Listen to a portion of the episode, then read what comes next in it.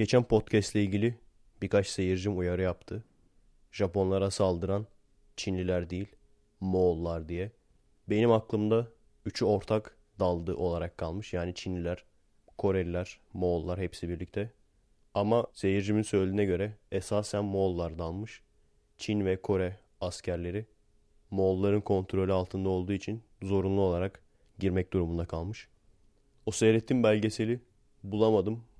O yüzden neden o şekilde benim aklımda kalmış bilmiyorum. Tabi doğrudur. Wikipedia'dan falan da baktım gerçekten. Yani esas saldıran Moğollar. Demeyeceğim tabii ki. Benim Çinlilere olan inancıma hakaret ettiğiniz için 216'dan size dava açacağım.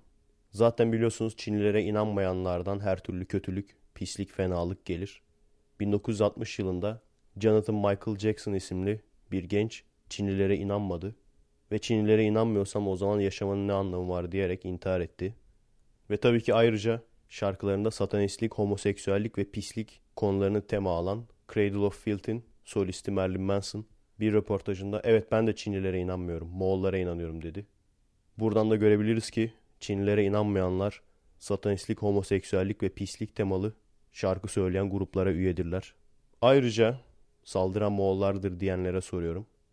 Şuraya ceketimi assam 1 milyon sene geçse Japonlara saldırır mı? Peki tamam sadece şunu açıklayın. Eğer gerçekten Moğollar saldırdıysa o zaman ilk Moğolları kim yarattı?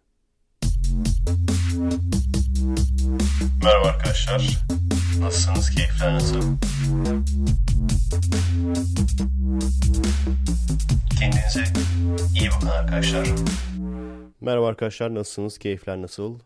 Bugün özel bir podcast. 31. bölüm. Evet. Abazan esprisi yapıp duruyoruz. Yine mi abazan esprisi yaptın diye düşünüyorsunuz büyük ihtimalle. Hayır o sebepten dolayı özel bir bölüm değil. Geçen seri 31 bölüm sürmüştü. Şimdiki seri de sayı olarak onu yakaladı. Tabii ki şimdikiyle onun arasındaki fark. Geçen seride bazı bölümler çok kısa oluyordu. 40 dakika olan vardı, yarım saat olan vardı. Bir tane sırf Redek'le ilgili yapmıştım. 20 dakikaydı vesaire. Arkadaşlar da abi yetmiyor falan diyorlardı. O zamanlar şey yapıyordum işte bir oturuşta yapıyordum. Bir oturuşta ne kadar olursa atıyorum bir buçuk saat boyunca konuşuyorum diyelim. Sonra montajda o 40 dakikaya düşüyordu falan. Gerçekten bir saatlik podcast için bir seferden fazla oturmak gerekiyor. Şu anda akıllı telefonu eşime verdiğim için kendi telefonum gelene kadar akılsız telefonla, normal telefonla idare ediyorum. Neyse ki 200 dolara özellikleri gayet beni tatmin edecek bir telefon buldum. Bundan sonra biraz daha adam gibi resimler. Cep telefonuna çektiğim resimler kötü oluyordu. En azından ondan daha iyi resimler ve cep telefona çektiğim videodan daha iyi videolarla geleceğim. Yani şey kötü oluyordu. Yani bu böyle değişik bir ülkedesiniz yani. Ve burada gerçekten değişik şeyler görüyorsunuz iş yerinde. Çocuklar böyle komiklikler yapıyor vesaire. Anı olsun istiyorsunuz anladın mı? Ondan sonra çıkarıyorsun cep telefonu. Başka bir şey yok yanında çünkü kamerayla gezecek değilsin. Çıkarıyorsun cep telefonunu çekiyorsun. Ondan sonra eve bir geliyoruz. 320'ye 240 tabii. Gözükmüyor bile yani. Bu kim lan falan diyoruz böyle. Öyle bir sürü özel günler yalan oldu yani. Evet.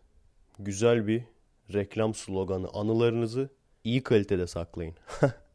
Bakalım göreceğiz. Şu an zaten beni tanıyan varsa eski telefonumu bilen vardır arkadaşlar.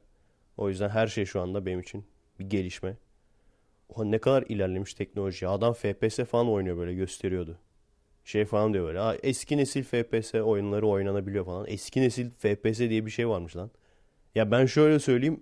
En birinci çıkan Angry Birds beni kasıyordu yani. Benim telefonu. Her neyse o sebepten dolayı insan işte bir noktadan sonra unutuyor ne kadar çok kullandığını. Podcast'e başlayacağım. Tam başlayacağım. Aklıma geldi lan.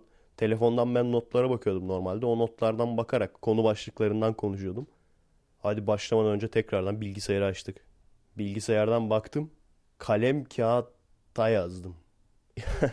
İnanılacak gibi değil. Şu anda notlarım kalemle kağıt üzerine yazılmış durumda. Şimdi liseliler bilmez. Kağıt diye bir şey vardı bizim zamanımızda. Şeyi düşün. Bu iPad'ler var ya. iPad'in iyice incesini düşün. Baya bir ince yani. Onu ağaçtan yapıyorlar. Kalem dediğimiz olay da şeyi düşün. Bu böyle akıllı telefonlarda touch penler var ya. Ha, o touch pen'in kağıt üzerinde iz bırakan versiyonu. Bu arada geçen hafta yaptığım uyarı gerçekten işe yaramış. Arkadaşlar sağ olsunlar birçok kişi daha paylaşmış. Ve istikrarımızı tekrardan yakalamış olduk. Ben biliyorum da söylüyorum arkadaşlar. Hani bazı sebepleri olduğu için paylaşamayanlara bir şey demiyorum. Ama ben biliyorum yani. Bir sürü kişi unutmuş gerçekten öyle. Yani benim istediğim şu. Bok yoluna gitmeyelim. hani sistemi kurduk, düzeni kurduk.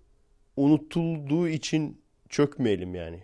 Benim istediğim oydu. Gerçekten de unutan arkadaşlar varmış. Teşekkür ediyorum tekrardan paylaştığınız için. Merak etmeyin. Yani sürekli söylememin sebebi hatırlatma idi. Sadece unutanlar için. Çünkü insanların özel sebepleri olduğunu biliyorum. Bu arada ne kadar ilginç bir şey yani. Ne kadar ilginç bir şey lan. Sanarsın ki şeyim böyle. Kokain tüccarıyım. Yani gerçekten insanlar benim düşüncelerimi paylaşmaktan korkuyorlar. Ne kadar özgür bir ülkedeyiz değil mi? Öyle çünkü paylaştıkları için evet belki dava açılmaz ama vay sen Allahsız mısın diye işten atabilirler bir sebepten dolayı. Atsalar da dava falan da açamazsın yani. Dinsiz olduğum için beni işten attılar falan diye. Veya açsan geri girsen işe ne olacak? Evet. Övünsem mi üzülsem mi bilemedim işte. Ben tehlikeli adamım falan. Tehlikeli düşünceler falan. Tehlikeli düşünce dediğim ne biliyor musun? Hani iki kere iki dört aslında. Çok böyle acayip manyak manyak düşünce. Astral seyahat falan değil yani. Aldın mı? Hani kuyruklu yıldız tarikatı falan değil. Veya UFO tarikatı değil yani. İki kere iki dört söylediğimiz şeyler. Çok ilginç. Bir kere daha anlatmıştım ya. İşte oyunlarda böyle acayip acayip hareketler yapanlar, kuralları falan pek iplemeyenler iyi yerlere geldi falan diye. Lisede de aynısıydı mesela. Beni görseniz ben direkt nörttüm. Futbol oynamayı çok severdim. Normal nörtlerden farkım. Teknik hiçbir zaman tekniğim çok olmadı. Ama bu içimdeki öfke muhabbeti her zaman için vardı. Onu da çok iyi bir şekilde atıyordum. Öküz gibi herkesten daha çok koşturuyordum falan böyle. Gram yağ yoktu zaten o yüzden lisedeyken. Ama onun haricinde bildiğin sap, derslerine çalışan nerd tipli adamdım yani. Gerçi o da mesela aşama aşama değişti. Ortaokulda direkt göbekli, tombiş ve dersleri daha iyi olan tip. Lisede dersleri biraz daha kötü. Ama gene de mesela o öğle aralarında maç yapardık. Bayağı parçalardım kendimi. Öyle olunca normal derste tamamen sessiz sedasız en önde otururdum böyle. Bazen kafam alırdı bazen almazdı falan. Yani notlarım lisede düştüğü halde gene de sessiz sakin bir insandım. Şeyi hatırlıyorum yani öğretmenlerle dalga geçenler vardı. Öğretmene resmen ders yaptırtmayanlar vardı lisedeyken. Hatırlıyorum şimdi hepsi iş adamı bilmem ne. On numara yerlerdeler. Birçoğunun zaten böyle aileleri zenginler kulübü gibi kulüplerde. Acaba şey var mıydı lan? Gizli mason örgütü falan. Üyesi. Bilmiyorum yani varsa bilemem. Öyle çok acayip bir şey yani şehrin ortasında. İzmir'de bizde var mesela. Bir bina böyle mason binası. İçine ne var ne yok kimse bilmiyor. Ben bilmiyorum yani açıkçası. çok garip değişik işler. Şey var bize mesela broşür dağıtırlardı. Yahova şahitleri. Türk, Türkçe konuşuyor adam. Yani hiç mi işin yok abi? O kadar mı boşta geziyorsun? Hiç mi işin yok yani? Şimdi seyircim mesaj attı. Aynen ona da şey yapmışlar. Gelmişler. Broşür mü kitap mı ne vermişler Yahova şahitliği falan diye. Yahova şahidi. Yahova dedikleri Yahve işte yani o Hristiyanların tanrısı. Aslında biliyorsunuz bizde hepsi Allah'tır diye geçer. Yani Tevrat'taki Tanrı da, İncil'deki Tanrı da, Kur'an'daki Tanrı da hepsi Allah'tır aslında diye geçer. Mesela atıyorum eski ahitte işte Tanrı sel baskını yaptı. Nuh gemiye bindi falan diye geçerken Kur'an'da Allah Nuh kabilesine sel baskını yaptı diye geçer. Ama karakteristik özellikleri çok farklıdır. Bu Yahve dedikleri veya bizdekilerin Yahova dedikleri Tanrı ile Allah'ın karakteristik özellikleri çok farklıdır. Her neyse soracağım şu yani Yahova şahidi ne, hangi ara şahit oldun? Veya senin şahitliğin geçerli mi şimdi? Bir kere daha sormuştum. Hukuk bilen arkadaşlar varsa. Şahitlik birini suçlamak için ne kadar önemli bir kanıt yerine geçiyor. Mesela bir yalancı şahidin söylediğiyle veya 2-3 tane yalancı şahidin söylediğiyle Birini böyle içeri attırabiliyor musun? Adam Yahova'nın şahidiyim diyor çünkü. Her neyse. Bu arada bizi ne kadar yükseklerden dinlediklerinin kanıtı. Bir seyircim bir haber attı. Bekar erkeklere ayda 75 TL bekarlık yardımı mı yapacaklardı? Ben demiştim yani Darül Abazan kurulmalı diye. Adamlar bak beni dinliyor yani demek ki. Yalnız o iş tutmaz. O 75 TL ile gene giderler. Borçlarını kapatırlar. Sigara alırlar. Gene o abazanlık yardımı olmaz. Gene abazan gezerler yani. Onu o şekilde para olarak yapmayacaksın yani. Madem bekarlık yardımı yapıyorsun. Darül Abazan'dan. Onu tam yapacaksın. Sodexo gibi olacak yani. Aynen. Sodexo biletleri gibi Abazho diye bilet yapacaksın. Sadece devlete bağlı vergisini veren bazı kurumlarda geçerli olacak o. Avazan arkadaşlarımızın faydalanması için. Bu arada 75 TL ayda yeter mi? Yani ayda bir buçuk kere falan gidebilirsin. Bir kere gidersin, bir kere de böyle yaşlı çamur anneanne olmuşlara gidersin. Evet tabii ki nereden biliyorum? Her çeşit arkadaşım var, oradan biliyorum. Yanlış anlaşılma olmasın. Ben kesinlikle evet o avazan insanlar bize saracaklarına gitsinler eyvallah. Ama sizler gitmeyin. Kesinlikle kendi arkadaşlarıma tavsiye etmem. Hiç gerek yok. Ölmezsiniz yani. Doğru düzgün insan olarak görebileceğiniz birini bulana kadar dayansanız ölmezsiniz. Evet tabii ki dalga geçiyorum hemen ciddiye almayın. Milletin üst düzey yöneticilerin beni takip etmediğinin farkındayım. Efe Aydal sanıyor ki falan. Hiç gerek yok arkadaşlar. Sakin, sakin. Maalesef. Zaten bir yerlerde yetkililerin vatandaşın sesini dinleyip ona göre bir şeyler yaptığını düşünseydim podcastlerim çok daha farklı olurdu. Bilmiyorum dikkat ediyor musunuz? Yaptığım podcastler genellikle dinleyen insanlara az da olsa bir şeyler katabilmek veya onları eğlendirmek. Yani dinleyen kişilere yönelik. Çünkü senin de yanlış olduğunu bildiğin, benim de yanlış olduğumu bildiğim bir şey hakkında burada konuşmamın hiçbir faydası olmayacağını maalesef biliyoruz. İşte arkadaşlar şey mesaj atmış. Minecraft oyununa yasak gelme ihtimali var falan diye. Aile neydi? Aile ve Sosyal Güvenlik Bakanlığı mı? Ne? Hangisi? Biliyorsunuz Türkiye'de sıkıntılar, sorunlar bitti. Milletin çıkıp canlı yayında terör örgütü propaganda yapması falan bunlar herhangi bir sıkıntı yaratmıyor. Minecraft oynamak sıkıntı yaratıyormuş. Ben şeyi hatırlıyorum. Televizyonda çıkarıyor adam silahı. Türk dizisi olması lazım bir tane. Takır takır vuruyor böyle milleti. Ondan sonra öteki elle bir sigara yakıyor. Sigara sansür ama. Bizim özetimiz işte bu. Yani insanların nasılsa her halükarda umrunda olmadığı, yetkililerin umrunda olmadığı, herkesin sadece kendi pozisyonumu nasıl sağlama alırımı düşündüğü bir yerde bunları konuşmanın hiçbir alemi yok. Bu anca şeydir yani. Artı puan kazanmak seyirciye karşı. İşte Minecraft'ı yasaklayacaklarmış. Yasaklamasınlar. Ben böyle deyince duyacaklar sanki. Maalesef arkadaşlar böyle bir yerde yaşıyoruz yani. İnsan üzülüyor tabii. Yürüyüşlere katılıyordum, cumhuriyet mitingleri vesaire. İşte internetime dokunma vesaire o tür yürüyüşlere katılıyordum. Senin yaşayıp yaşamaman bile adamların umurunda değil ki. Can güvenliğiyle ilgili şeyleri bile adamlar umursamıyor. Yani o işte biraz şeyciliğe dönüyor. Okancılığa dönüyor. Şimdi ne, ne alaka diyeceksiniz? Gene bir olay olmuş. Arkadaşlar yolladılar. Onu da anlatacağım size. Bu durumla bağlantılı. Maalesef ülkede sadece o da değil bir sürü var. Sadece ağzından sistem kötüdür veya işte muhalifim diyen veya işte yetkililere böyle bir iki ufak bir laf atan bunun sonucunda da veya işte doğayı koruyalım. Bunun bu sözlerin hiçbir sonucu olmayacağını bildiği halde sadece puan kazanmak için bunu yapan insanlar. Neden kızıyorum? Son olayda gene çok acayip bir program adı Dada Dadanist. Ben Okanca bilmediğim için Zaga, Dada, Baba, Gogo Okanca ben bilmediğim için o yüzden anlamını şey yapamayacağım. Size açıklayamayacağım. Benim kızdığım nokta hala da öfkelendiğim nokta insanların hala şunu demesi.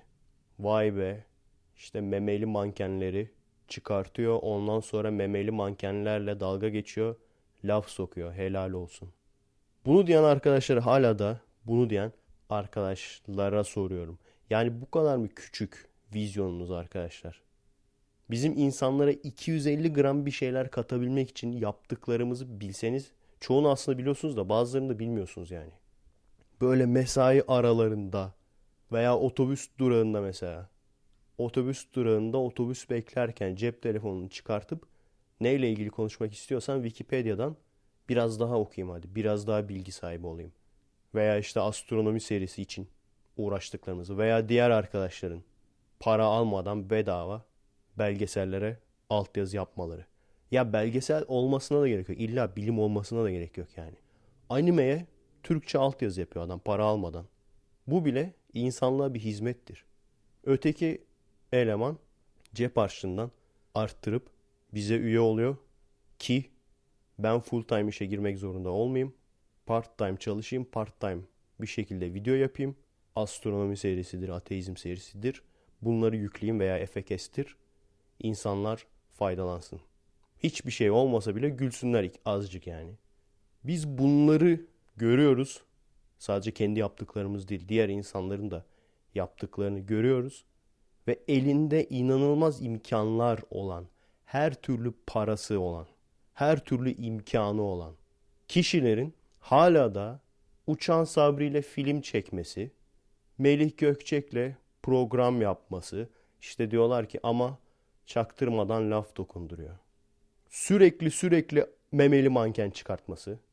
Yani bu ülkede, Türkiye'de memeli mankene laf sokmaktan başka yapacak iş kalmadı mı? O imkanlarınla, o paranla memeli mankeni çağırıp memeli mankenle dalga geçmekten başka yapılacak iş kalmadı mı abi? Sürekli aynı şeyleri yapıyor. Veya bunu sürekli destekleyen adamların vizyonu bu kadar mı? Vay be vatana millete çok hayırlı bir iş yaptı. Memeli mankene laf soktu. Gelsin abi ben reyting parası falan istemiyorum bak. Bizim burada bir camiamız var yani. Bütün ne kadar memeli manken varsa yollasınlar bize. Biz reyting parası, reklam parası almayacağız bak bedava. Ben o gençleri toplayayım bir spor salonuna. ben o gençleri toplayayım bir spor salonuna. Ne kadar memeli manken varsa yollayın abi. Bedava. Laf mı sokulacak? Ne sokulacaksa sokulsun bitsin artık bu iş. İşte arada internetime dokunma diyormuş. Peki elindeki imkanlarla ne yapıyor? Bu insan. Bir kişiye de yoğunlaşmak istemiyorum. Hani şey sanacaklar dayak mı yedin ne oldu yani bu adam inşaatta mı çekti seni? Hayır bir kişi değil bir sürü var bunun gibi. Kendisine halkın adamı deyip elindeki imkanlarla hiçbir şey yapmayan. Sahte insanlar. Evet nasıl alevlendim gene ya. bu arada değişik bir şey söyleyeceğim. Şey demiştim yani Hristiyanlarda da abi evi muhabbeti var. Gene Hristiyanlarda da bizim Türkiye'deki dincilerin kullandığı yöntemlerden bir tanesi mazlum muhabbeti yapmak, mazlumu oynamak.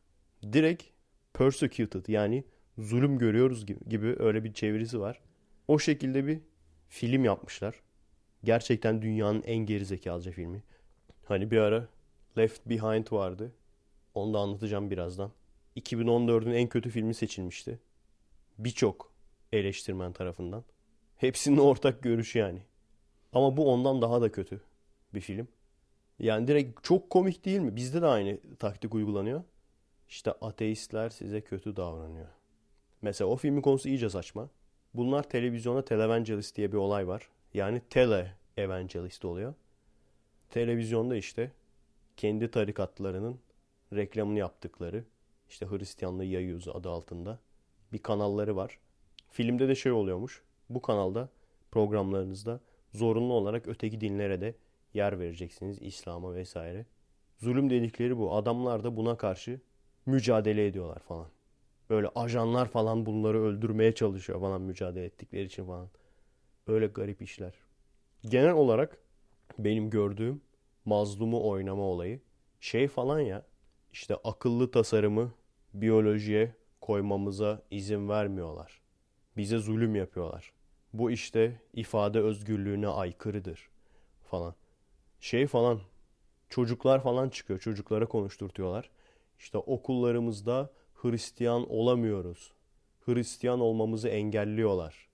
Böyle gösteriyor işte ateistler çevrelemiş. Hristiyan çocukları falan dövüyorlar. Artık işte bu ateist bulilere karşı yani zorbalara karşı bir şeyler yapmamız lazım falan. Bizde de o yok mu? Ateist zorbalar. Ne zorbalık yapmış? Bir dakika ben bir şimdi düşüneyim. Bir şey icat edeyim. Çünkü artık türban yasağı da kalmadı. Başka bir şey icat etmek lazım. Erkekler kafaya bir şey taksın. Şey falan vardı onu hatırlıyorum. İşte otobüsü durdurmak istemiş namaz kılacağım diye. Otobüste durmamış. Tabii o durmayan otobüs koçun otobüsü. Koça saldırmak için yapıyorlar. Onun işte haberini yaptılar. Koç dinimize saldırdı falan. Bu arada o şeyi anlatacaktım. Nicolas Cage'in en kötü film seçildi dediğim Left Behind filmini. O da gene Hristiyan propagandası filmi. Saçma film tabi. Hani konu olarak işte o Hristiyanların inandığı rapture olayı var. Bir anda böyle kıyametten önce cennete gidecek olanlar yok oluyor. Çünkü yukarıya çıkıyorlar yani. Geriye de sadece cehennemlik olanlar mı kalıyor? Onu konu alan bir film. Tabii ki her şeyden önce ateist olduğumuz için bize saçma gelecek. İyi bir film olsaydı bile. Ama bir de şöyle bir şey var.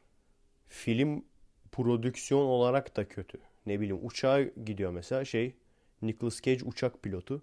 İşte uçağın pilotu mu yok oluyor? O da herhalde cennetlikmiş. Tanrı'nın planına bak. Uçağın içinden pilotu alıyor. Cennete gitsin diye. Orada mesela uçak görüntüleri falan paintle yapmışlar yani kötüydü. Veya işte şehrin yıkılma görüntüleri falan direkt paint terk olmuş. Tabii ki niye önemli bu? Çünkü Nicolas Cage oynuyor abi. Herkes şaşırmıştı yani. Bundan önce de bir iki tane çok kötü filmi vardı Nicolas Cage'in. Wicker Man. Ghost Rider 2 de kötüymüş. Böyle bir adam nasıl böyle filmlerde oynarlar diye düşünüyorum. Ama Left Behind gerçekten dibe vurma noktası. Daha sonra farklı bir programda gördüm. Adam bildiğim batmış abi. Şey diyeceksiniz biliyorum. Watch Mojo'da mı gördün abi? Evet Watch Mojo'da gördüm. Sizden de bir şey kaçmıyor. Adam bildiğim batmış. Daha önce kazandığı paralarla aldığı şeyler kale satın almış. Ondan sonra dinozor kafatası satın almış falan böyle değişik değişik şeyler. Ve sonuç itibariyle bitirmiş parasını. Büyük ihtimalle de büyük ihtimalle %99 öyle yani. Gerçi %99 da büyük ihtimaldir. Para bittiği için. Adam bildiğin direkt ikinci sınıf oyuncu oldu ya. DVD oyuncusu oldu adam ya. Yakışıyor mu sana Nicolas Cage? Bir Face Off'ta oynayan. Bir Con Air'da oynayan. En sevdiğimiz birçok filmde. Başka başka da en sevdiğim film aklıma gelmedi şimdi. Ha. Ghost Rider'da oynadı o idare eder. Snake Eyes'da oynadı. Ben şeye bakıyordum. Yani Bruce Willis'le yarışıyorlardı. Kim daha çok filmde oynayacak diye. Nicolas Cage geçmişti yani. Gerçekten Hollywood'un en çok filmde oynayan oyuncularından bir tanesi. Ha 8 milimetrede oynadı. 8 milimetre çok kral filmdir bak. Bilmeyen varsa sınav filmle ilgili işte. Sınav filmleri konu alıyor. Seyredin 8 milimetre. Koskoca Ercik'le fotoğraf çektirmiş adam. Ercik'le fotoğraf çektirdikten sonra battı adam ya. İflah olmadı bir daha. Düşsem eğer adam orada duruyormuş. Kapadokya'da 10 dolara fotoğraf çektirilir falan diye böyle iyice artık dilenciye bağlamış. Bu arada filmlerle ilgili konuşmam arkadaşın hoşuna gidiyormuş. Film tavsiyesi olduğu için. Biliyorsunuz yakın zamanda Taken 3 geldi. Aynen Taken 2 kadar kötüymüş o da. Çünkü 2 ile 3'ün yönetmeni aynıymış. Birinki farklı. Yani tamamen Taken'ın başarısından, gişesinden, ününden faydalanmak için çekilmiş filmler. Sırf kötü dedikleri için değil ben 2 ile 3'ün fragmanını seyrettim. Efektler falan çok boktan yani. Direkt ucuza kaçmışlar her şeyde. Bu arada Liam Neeson biliyor musunuz bilmiyorum adam aksiyon oyuncusu falan değildi Taken'a kadar. O dönemlerde adam türünü değiştirdi ya. Şeyi falan hatırlıyorum. Haunting falan diye böyle film vardı. Genelde böyle gentleman, doktor, profesör o tip adamları oynardı. Aslında yıllanmış bir oyuncu yani. Bu işte Taken, Star Wars vesaire o dönemlerde yavaş yavaş adam ne oldu dövüş mü öğrendi ne oldu? Özellikle Taken filminden sonra gerçekten güzel filmdir. Bir, seyretmeyen kesin seyretsin. Dövüş sahneleri falan çok güzel yapmışlar yani. Jackie Chan gibi değil gerçekçi yapmışlar. O hoşuma gitti yani. Hani adam herkesi dövüyor ama şey gibi salakça değil. 10 kişinin arasına giriyor herkes sırasını bekliyor falan öyle değil yani. Her neyse ondan sonra biliyorsunuz bir sürü adamın aksiyon filmi çıktı. Adam neredeyse şey gibi olacak. Jason Statham var ya. Neredeyse onun gibi olacak yani. Liam Neeson filmi geldi diyorsan kesin aksiyon filmidir. Neyse. Şeyi zaten biliyorsunuzdur. Non-Stop vardı. Bu benim yeni film geldi dediğim Non-Stop değil. Bir tane daha gelmiş. Mezarların arasında yürümek mi? Öyle bir şey. Gene elinde silah falan var. Gene ajan. Bakalım o nasıl bir film. Bu arada Taken'dan sonra Taken'ın tadını yakalayabileceğiniz Liam Neeson filmi ne var? Mesela Unknown var. Unknown'u seyredebilirsiniz. Gerçekten güzel bir film. Non-stop idare eder. Boş vaktiniz varsa seyredebilirsiniz. Ama artık o kadar o kadar yani o Liam Neeson'ın aksiyon karakterinin üzerine oynamışlar ki özellikle Taken'daki non-stop'ta yani. Ciddi ciddi herkes Taken 3 sanıyordu onu. Hani o ikinci filmin devamı sanıyordu. Ben özellikle seyrettim. Anlayamıyorsunuz biliyor musunuz? Filmde seyrediyorsunuz karakter o kadar aynı ki. Filmde seyrettiğiniz halde anlayamıyorsunuz. Lan diyorsun. Taken'ın devamı mı acaba? Hani değişik bir karakter olsun diye adamı alkolik yapmışlar. Ama şey olabilir mesela ikinci filmde yaşadığı travmalardan sonra falan alkolik olmuştur falan. Mesela Taken'da kızı var. Bunda da kızı ölmüş. Kızı var ama ölmüş kanserden. Falan. Hani lan diyorsun acaba 2 ile 3'ün arasında öldü mü kızı falan. Karakterin adını da hatırlayamıyordum. Baya bir uzun süre 3 mü değil mi falan diye derken en sonunda filmin ölen kızının resmini gösterdi. Kız küçük bir kız. Oradan anladım yani ha farklıymış falan diye. Maalesef benim gibi bir film manyağı. Buraya geldiğimden beri hala film seyredemedim. Bilgisayar var çünkü sadece. Bilgisayarda da güzel film seyretmek istemiyorum. Bu arada filmlerden gidiyoruz. Şeyi anlatmıştım. Interstellar filmini. Bütün bilim adamları beğendi falan diye anlatmıştım. İlk defa beğenmeyen bir bilim adamı gördüm. Lawrence Krauss. Adam bayağı yerden yere vurdu. Ekşici gibi saldırdı filme yani. Lawrence Krauss kara enerji ile ilgili yaptığı çalışmalarla ünlenen birisi. Şimdi daha da merak ettim filmi. Çünkü resmen uzmanlar ikiye bölündü oldu yani. uzmanlar ikiye bölündü. Bayağı saydırdı ama filme ya. Vaktimi çaldığınız vaktimi geri verin falan. Sakin ol abi film ya bu. Ben gene de kendim beğeneceğim. Beğeneceğime eminim yani. Bu bilim adamları kadar uçmadığım için zaten ne kadar uç, ne kadar olabilir, ne kadar olamaz anlayamayacağım için ben beğeneceğim büyük ihtimalle.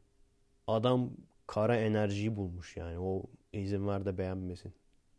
Bu arada şu kafatası uzatma olayı demiştim ya. Ona benzer başka bir manyaklık daha var. Yine eskiden yapılmış olan. Lotus Feet diye. Bu notlara yazmıştım. Uzun süredir konuşamadım. Benim söylediğim bazı konularla başka yerlere aktaracak kadar ilgileniyorsanız mutlaka benim ağzımdan çıkanlı birebir kendi lafınızmış gibi anlatmayın. Çünkü bu olay kulaktan kulağa olayıdır. Ve işte dediğim gibi bazı efsaneler de bu şekilde yayılıyor. O yüzden benim burada konuşmamın sebebi mesela benim dinlediğim tarih podcastleri olsun, bilim podcastleri olsun gene aynı. Bazen boş bulunup duyduğum şeyi birebir aktarıyorum ama yanlış ben de yanlış yapıyorum yani. Bakmadan. Mümkün olduğu kadar bakmaya çalışıyorum. Ne yapmanız lazım? Bir konu hakkında fikir sahibi olabilmek için, başkalarına anlatabilmek için. Bir şey duydunuz ben burada mesela Lotus Feet'i anlatıyorum. Lotus ayak. Eğer ilginizi çekiyorsa mutlaka kendiniz de bakın birkaç kaynaktan. Kendiniz söylemeden önce. Her neyse sonuç olarak Asyalı kadınlarda yapılan bir uygulamaymış zamanında. Bu küçük ayağın iyi olması olayı vardır ya. Küçük ayak iyidir. Ayakları ayakkabının içine sıkıştırıyorlar. Aynen kafayı nasıl sıkıştırıyorlarsa ayakları sıkıştırıyorlar. Kemikler kırılıyor falan böyle teker teker. O kadar küçültüyorlar ki ayakları bir noktadan sonra yaratığa dönüyor ya. Sentorlar olur ya böyle. Vücudu insan ayakları at falan. At ayağı gibi küçük küçük oluyor böyle. Böyle direkt şey belirtisiymiş ya. Yani ayağı küçük olanlar daha iyi koca sahibi falan olabiliyormuş. Öyle salakça dönemlerden geçmişiz yani. Bu arada Hunlar dedik. Kafatası uzatma falan. Birkaç kişi şey yazmış. Bu yabancılarda genel olan bir kanıdır. İşte Hun Türklerinin övünülecek hiçbir tarafı yok. Sürekli insanlara bela olmuşlar. Saldırmışlar vesaire. Ben yine de övünüyorum. Tabii ki kültürümüzle. Çünkü direkt olarak kan bağım var mı onu bile bilmiyorum. Veya herhangi birimizin o Türklerle kan bağı var mı? Bilmiyoruz yani. Karıştık gittik. Ama sonuçta kültürdür bu. O kültürle de biz buradan geliyoruz diye mantıklı dersin mantıksız dersin o ayrı mesele ama övünülür. Yani yapacak bir şeyleri yok adamların. Adamlar bozkurda doğuyorlar. Ve izole olarak yaşıyorlar. Tamamen vahşi yırtıcı hayvanlar gibi yaşıyorlar. Ve en iyi savaşmayı biliyorlar bu sebepten dolayı. Yani evet eyvallah Avrupa bilimle ilgilenmiş, keşif yapmış. Zaten onlar daha ileri gittiler ve şu anda dünyayı yönetiyorlar yani. Ama adamların iki yüzlüğü benim hiç hoşuma gitmiyor. Sürekli işte humanist ayağı yapıp ne olursa olsun insan hayatı vesaire gidip terör örgütlerini bağırlarında besliyorlar. Birine saldırmak mı istiyor? Adam gibi gidip de saldırmıyor yani. Gidiyor oradaki azınlıkları kışkırtıyor. Oradaki terör örgütlerini destekliyor. Yani onlar gibi şerefsiz olacağıma ben barbar olmayı tercih ederim. Bu şerefsizlik yani. Dünyanın her yerinde sömürgeleri var. Kaynaklara ihtiyaçları var. Gidiyorlar sömürüyorlar diğer yerleri. Kölecilik bunlarda. Yani ben biraz kendim de o kafada yaşadığım için bir şey olduğu zaman ben kendim yaparım yani. Kendi işimi kendim yaparım. Yoksa ben de bilirim abi çocuğun eline taş verip de taş attırtmayı. Yani güçlü düşman diye bir şey var. Bir de yavşak düşman var. Biz niye sürekli yavşak düşmanlarla savaşma durumundayız? Adam gidiyor senin terör örgütünü destekliyor. Senin sivillerin, çocukların ölüyor. Ondan sonra o destekledikleri adamlar da onlar da bu sefer kendileri karşılarına çıkmıyorlar. Onlar da çocukların eline taş veriyorlar. Git şunlara taş at diye.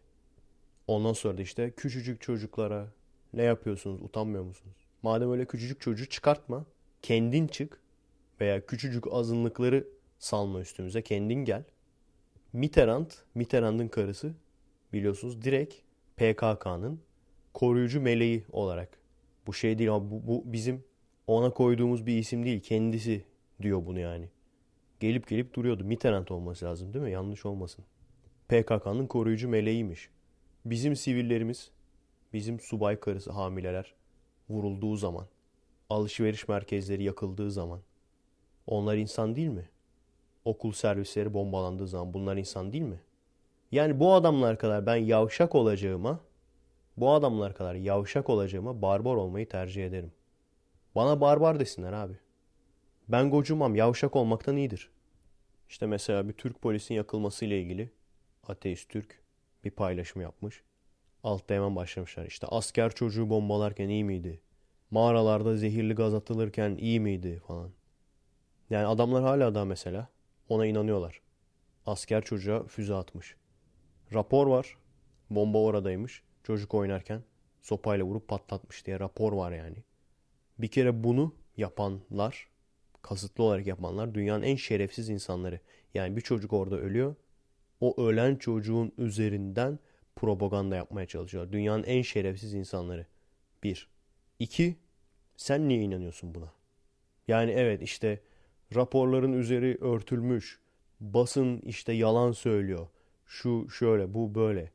İşte terör örgütlerinin yaptığı söylenen eylemleri aslında gizlice mit yapıyor. Basın da onların adamı. Eyvallah imkansız değil ama sen nereden biliyorsun? Sen nereden biliyorsun abi? Sen de başka birinin söylediğini tekrarlıyorsun. Sen kendin gördün mü böyle bir şeyin olduğunu? Kendi gözünle gördün mü? Ne bileyim bir asker füze attı çocuğa eğlence olsun diye. Ondan sonra da üstünü kapattılar. Gördün mü böyle bir şey? Görmedin. Sen de başkasının söylediğini aktarıyorsun. O zaman birincisi terör örgütü yandaşı basın yayının söylediklerini birebir düşünmeden aktarmak eşittir.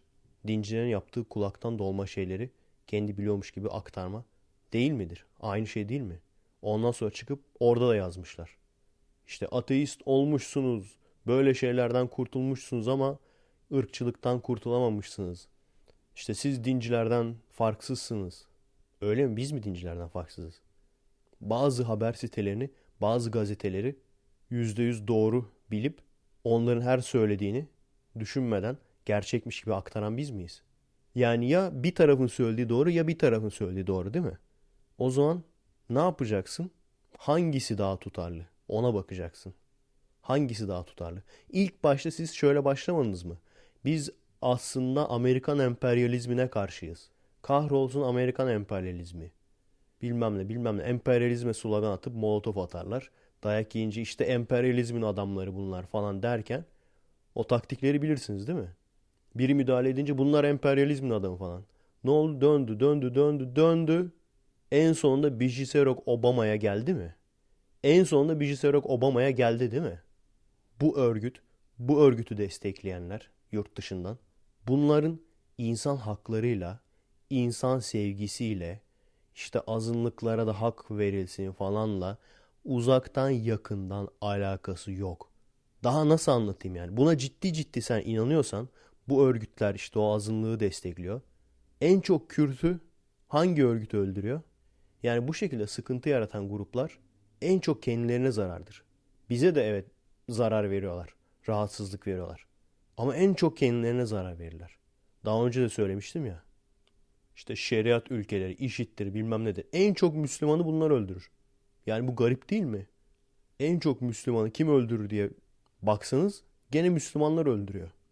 Kuzey Kore en çok kendi insanına zararlı. Yani bu Amerika'nın şansı şurada. Artık şans mı yoksa bu şanslarını kendileri mi yaratıyorlar bilmiyorum. Bunların rakibi olan ülkeler iyice manyak ülkeler. Yani zamanında Soğuk Savaş'ta işte Almanya'dan olaya bak. Almanlar Lenin'i yolluyor Rusya'ya. Rusya'da ortalığı karıştırsın diye. Çünkü Birinci Dünya Savaşı'nda Ruslarla da savaşıyorlar tabii bir cephede Almanlar. Lenin'i yolluyor ortalığı karıştırsın diye. Lenin gidiyor gerçekten de ortalığı karıştırıyor. Stalin de onun adamlarından bir tanesi. Daha sonra devrim oluyor. Daha sonra Sovyetler Birliği kuruluyor. Sovyetler Birliği kurulduktan sonra bu sefer İkinci Dünya Savaşı, Nazi Almanyası. Nazilere karşı sürekli birbirini kışkırtan iki güç işte Amerika ile Sovyetler bir olup dost olup Nazilere saldırıyor, onları bitiriyor. Onları bitirdikten sonra bu sefer Soğuk Savaş başlıyor. Özellikle Rusların da atom bombası teknolojisini elde etmesinden sonra ve komünizm Kızıl Ordu Stalin baştayken gittikçe yayılıyor. Orta Avrupa'yı, Romanya'yı oraya kadar komple ele geçiriyor. Bu sefer de Amerika ile kapışıyorlar. Birbirlerini yenmeye çalışıyorlar. Bir taraftan Amerika'da komünist devrim yapılmaya çalışılıyor. Çok ilginç olaylar bunlar. Çünkü Amerika normalde şey der hani biz iyileriz. Neden? Çünkü biz demokratiyiz. Biz demokrasi ülkesiyiz. Gerçekten Sovyetler Stalin zamanında kendisine karşı çıkabilecek, devlete karşı olabilecek potansiyeli olanları anında temizliyor. O yüzden şey götümle güldüm ya. Retek film yapmış ya bir tane. İşte Nazileri gösteriyor. Hitler'e karşı insanlık onuru kazandı. İnsanlık onuru derken Stalin. Öyle bir götümle güldüm ki açtım direkt döndüm güldüm yani. Amerika ile Soğuk Savaş kapışıyorlar ve en sonunda çöküyorlar kendi ağırlıklarının altında. Yani savaşabilseler savaşabilecekler. Savaşacaklar yani. Ama yemiyor iki tarafında. Çünkü dünya yok olur ya. İki tarafta da atom bombası var. Dünya yok olur yani. Bu arada şu ilginç bir konu. İşte Amerika kendisine biz iyileriz diyor. Çünkü biz demokrasiyiz. Demokrasiyi simgeliyoruz falan diyor. Ama bir taraftan da tabii komünist propaganda yapanları yavaş yavaş fişliyor. Bu da ilginç bir beyin fırtınası gene. Evet herkes diyor. İşte ifade özgürlüğü, konuşma özgürlüğü gerçekten öyle. Ama ülkeni tehdit ettiği zaman yani konuşa konuşa adamlar devrim yapma gücüne gelseler sendikaları ele geçirdi mi? Basını ele geçirdi mi? Çünkü şöyle bir şey var. Bu bir gerçek. Hangi ülke olursa olsun bir çalışan sınıf var. Bir de zengin sınıf var. Çalışan sınıfın aklını çelersen adamın niye umurunda olsun ki zenginlerin ne yaptığı? Gidip onları biraz doğru biraz kandırma. İşte sınıflar olmayacak falan. Her ipimiz eşit olacağız. Herkes zengin olacak. Kardeş olacağız falan. Zengin fakir ayrımı olmayacak falan. Hani genelde şey derler. Komünizmi savunmak için. Esas komünizm Marx'ın söylediği olaydır. Ama onun işte birebir uygulanabildiği ilk yer Sovyetler. Ve uygulandığı ilk yerde direkt olay Stalin'e bağlıyor. Ağır bir diktatörlüğe bağlıyor yani. Yani aslında iyi mi kötü müden ziyade gerçek hayatta uygulanabilir mi? Bunu tartışmak lazım. Türkiye'de öyle bir şey olamayacağı için yorumlarda da ben cevap olarak yazmıştım. Hala da insanlar beni şey sanıyorlar. Anti komünist veya anti sosyalist sanıyorlar. Hayır benim ilgimi çekmedi o konular. İlgimi çekmediği için de okumadım. Okumadığım için de karşıt görüş belirtmiyorum. Neden? En basit sebebi şu. Tartışmanın bir anlamı yok. Komünizm diye bir tehlike şu an Türkiye'de yok. Sovyetler yok lan. O yüzden böyle bir şey olmayacak. Benim sürekli konuştuğum olay, sürekli anlattığım olay bu devrim hayaliyle kendileri bile farkında olmadan çok bambaşka yerlere hizmet eden insanlar. Bizim anlatmaya çalıştığımız bu. Bir sürü öyle grup var. Sosyalist, emekçi, platform bilmem ne. Açıp baksan içinde işçi yok. Ya onu anlatıyordum. Yani bu alt tabaka, çalışan tabaka olduğu sürece yüzde yüz refah olmayacak insanlarda. İşte dediğim gibi ileride doğum kontrol sağlanabilirse aşırı insan olmaz isek bir. ikincisi de vücut işçisi yani çalışan kesim insan değil de yani vasıfsız işçi diyeyim. Vasıfsız işçi insan değil de atıyorum robot veya android olur da işte ne bileyim onların mesela operatörü insan olur falan. Hani o noktaya gelirsek o zaman aslında ezilen kesim diye bir kesim olmasına gerek kalmaz ama şu anda çok zor. O yüzden bilim önemli. Her neyse onu anlatıyordum. Komünist olma potansiyeli olanları fişlemeye başlamışlar. Amerika'da Soğuk Savaş döneminde. Ama o kadar artık işin boku çıkmış ki. Zenci hakları falan veya azınlık hakları falan diyen insanları bu potansiyel komünist diye fişliyorlarmış falan. Fişleme olayı da şey. Hani acil bir durumda hepsini toparlayacaksın. evini evini böyle biliyorsun, adresini biliyorsun. Acil bir durum oldu mu hepsini toparlayacaksın. İşte kadın hakları, feministim diyenleri falan böyle komünist diye fişliyorlarmış. Yani işin ilginç yanı şu. Biz de mesela o dönemde Amerika'da yaşıyor olsak biz de komünist diye fişlerlerdi. İşte zenci hakları falan diyoruz ya böyle kadın hakları bilmem ne dediğimiz için. Hafiften liberal olanları falan fişliyorlarmış direkt. Dinsizleri falan.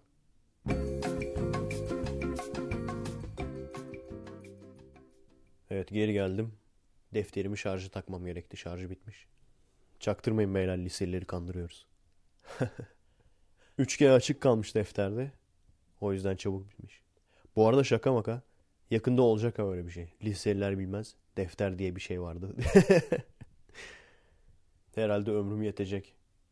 Richard Dawkins'in bir açıklaması vardı. Yakın zamanda. Dinle alay edin diyordu ateistlere. Dini görüşlerle. Tabi bu bizde şey olarak yansıdı. İşte dinimizle dalga geçmemizi istiyor falan. Zaten militan ateist deyince iyice işte bakın ateistler militanmış falan demişlerdi. Şimdi bunu deyince de Richard Dawkins dine saygısızlık yapılmasını söylüyor falan. Şimdi onların ülkesiyle, İngilizlerle bizi aynı kefeye koymayın arkadaşlar. Bizde millet parçalıyor ya böyle kendisini. Onlarda daha çok şey gibi böyle astrolojiye inanmak, tarot falına inanmak. Hani şu an gerçekten astrolojiden çok fazla para kazanan insanlar var. Ben şimdi desem size bu insanlar için, bu insanların gerçek yüzünü ortaya çıkarabilmek için buna inanıp bu astrolojiye, buna parasını kaptıran insanların söylediği şeylerle alay edin desem o kadar tepki toplamaz herhalde. Bir de şöyle bir şey var. Bizdeki alay yani orada ridicule diye geçiyor. Daha sonra çünkü açıklamasını ben onun seyrettim. Yani aslında kırıcı bir şey değil o. Yani atıyorum şu. Arkadaşına diyorsun ki arkadaşın astrolojiye inanıyorum diyor. Sen de açıklıyorsun mesela astrolojinin ciddi ciddi diyorsun mesela. Aynı gün doğmuş, aynı saatte doğmuş herkesin karakteristik özelliklerinin aynı olduğuna inanıyor musun? Diyorsun. Bu yani. Fikrin kendisiyle dalga geçmek. Yoksa böyle el ele tutuşup etrafında dönmek dolaşmak değil yani. Ha ha sağlak falan diye. Bilmiyorum adamın söylüyor. Tabii ki biraz daha dikkatli konuşman lazım. Çünkü dediğim gibi mükemmelin biraz daha altında olursan özellikle ateist olduğun zaman direkt düşmanların belli olduğu için birçok kişi bizi düşman olarak görüyor haklı olarak. Çünkü adamların ekmeğine engel olacağız. Yani izin verseler konuşmaya biz devam etsek adamların ekmeğine engel olacağız. O yüzden en ufak bir yanlış bir hareket yaptığın zaman bittin yani. Ben diyorum ya ondan çok korkuyorum diye. Türkiye'deyken mesela sana atar yapan birisine saldıracaksın atıyorum. Tutamayıp öfkene hakim olamayıp ondan sonra o ateist genç insanlara saldırdı falan. Gerçek yüzü ortaya çıktı. Maalesef öyle bir zamanda yaşıyoruz. Bu arada birbiriyle alakasız bazı konular var. Sürekli yeri gelmediği için geriye atıyorum. O yüzden gene alakasız bir şekilde bağlamadan alakasız bir konuya geçeceğim. Kanada'da ta bak Kanada'ya gittiğim zamanda yazmışım bunu. Kanada'da bizi arabayla gezdiriyorlardı. İşte eşimin akrabaları. Bir adanın yanından geçtik. Adam dedi bu ada bir İranlı dedi. Oha. İranlı satın almış onu. Nasıl oldu abi dedim o iş. İran'ın bilmem ne bakanıymış adam. Oradaki paraları gömçürmüş. Kaçmış ondan sonra Kanada'ya. Burada da ada satın almış. Yani varsa biliyorum. İran Cumhurbaşkanı beni dinlediğini biliyorum. Lazımsa adres vereyim yani. Kanada'da nerede olduğuna dair senin paraları çalan adamın adresini vereyim. İkinci konu bir seyircimden mail geldi. İşte e, eşcinsel hakları ile ilgili konuştuğum için teşekkür ediyor. Kendisi de gaymiş. Abi bizim Hilmi abi var ya. Ne olmuş lan Hilmi abiye? Abi benden duymuş olma da LGBT olmuş diyorlar.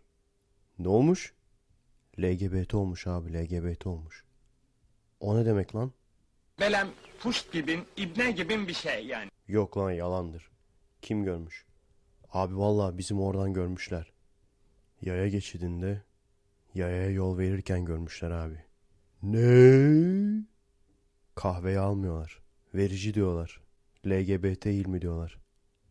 Hilmi abi duyduk LGBT olmuşsun. Çok üzüldük abi. Arkadaşlarla bir geçmiş olsuna geldik.